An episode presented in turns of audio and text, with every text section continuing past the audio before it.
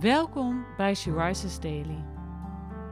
In de adventsperiode kijken we vanuit vier verschillende perspectieven naar het kerstverhaal. Deze advent zoomen we in op Jozef. We lezen in de Bijbel Matthäus 2, vers 13 tot 15. Nadat zij op die manier de wijk genomen hadden, verscheen er aan Jozef in een droom een engel van de Heer, die zei: Maak je gereed en vlucht met het kind en zijn moeder naar Egypte. Blijf daar tot ik je weer roep, want Herodes is naar het kind op zoek en wil het ombrengen. Jozef maakte zich gereed en week nog diezelfde nacht met het kind en zijn moeder uit naar Egypte, waar hij bleef tot de dood van Herodes. Zo moest in vervulling gaan wat bij monden van de profeet door de Heer is gezegd. Uit Egypte heb ik mijn zoon geroepen. Nou, daar lopen we dan. Dit is toch niet hoe ik het me had voorgesteld? We hebben een kleine baby, ons wonderkind.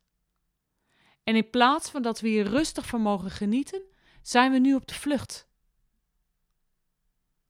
Als ik terugkijk op wat ons afgelopen jaar allemaal overkomen is, dan kan ik het werkelijk niet bevatten. Maria, op wie ik zo dol ben, die opeens zwanger was. Man, wat was ik eerst kwaad? Ik dacht echt dat ze met een andere man was geweest. En toen, die wonderlijke droom, die me wel duidelijk maakte dat dit een kind van God moest zijn. Een kind van God, niet te geloven. Ja, toen wist ik dat ik wel bij Maria moest blijven. Wat andere mensen ook zouden zeggen over ons. En nu is onze Jezus werkelijk geboren. Het was me wel wat hoor. Hoogzwanger moest ik nog met Maria op reis. En uiteindelijk werd Jezus geboren in een stal, omdat er verder nergens plek was. En daarna kregen we van alle kanten een wonderlijk bezoek. Werkelijk, dit moest wel zo door God geleid zijn. En nu? Nu hoopte ik dus eindelijk eens rustig van ons gezinnetje te kunnen genieten. Fijn. Met z'n drieën. Maar nee. Vannacht had ik weer zo'n wonderlijke droom. En ondertussen twijfel ik er niet meer aan dat dit dromen van God zijn. Een engel vertelde me dat we moesten vluchten naar Egypte, omdat het leven voor Jezus in gevaar is. Hoe kan iemand nou zo'n lieve, mooie, kleine, bijzondere baby willen doden? Maar ik weet, ik moet naar deze droom luisteren. Dus we hebben vanochtend snel onze spullen gepakt en daar lopen we nu. Op de vlucht. Weg van het rustige plekje dat we net voor onszelf gecreëerd hadden. En ik weet dat we naar Egypte moeten gaan. Maar waar naartoe dan en hoe dan? Ik moet zo mijn best doen om niet moedeloos te worden van deze situatie en dapper door te gaan. Weet je, soms voel ik me zo de loser in dit verhaal.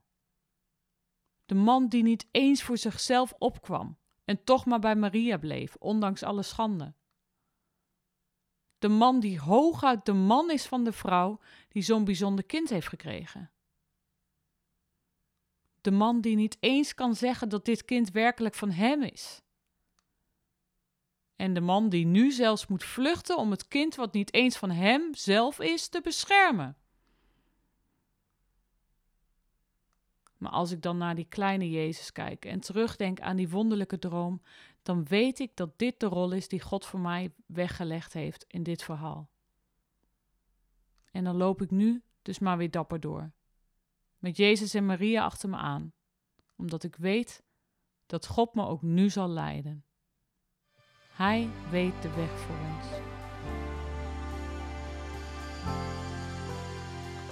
Jozef had niet de hoofdrol in het kerstverhaal. Hij deed nederig wat God van hem vroeg. Maar wat zou het kerstverhaal geweest zijn zonder Jozef? Zijn nederige, dienende houding was zo belangrijk. Vind jij jezelf nederig, dienend? Op welk vlak zou je hierin kunnen groeien?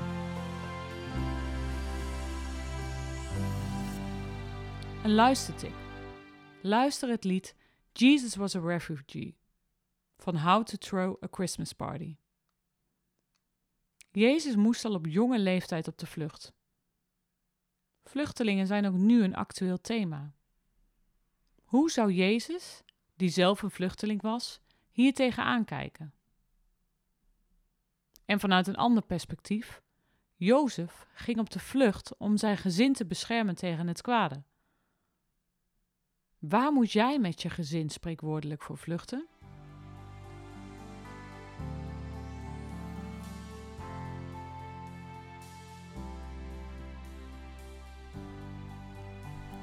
Deze podcast was de vierde in de serie Kerst in een ander perspectief. Kijk op www.she-rises.nl voor meer informatie.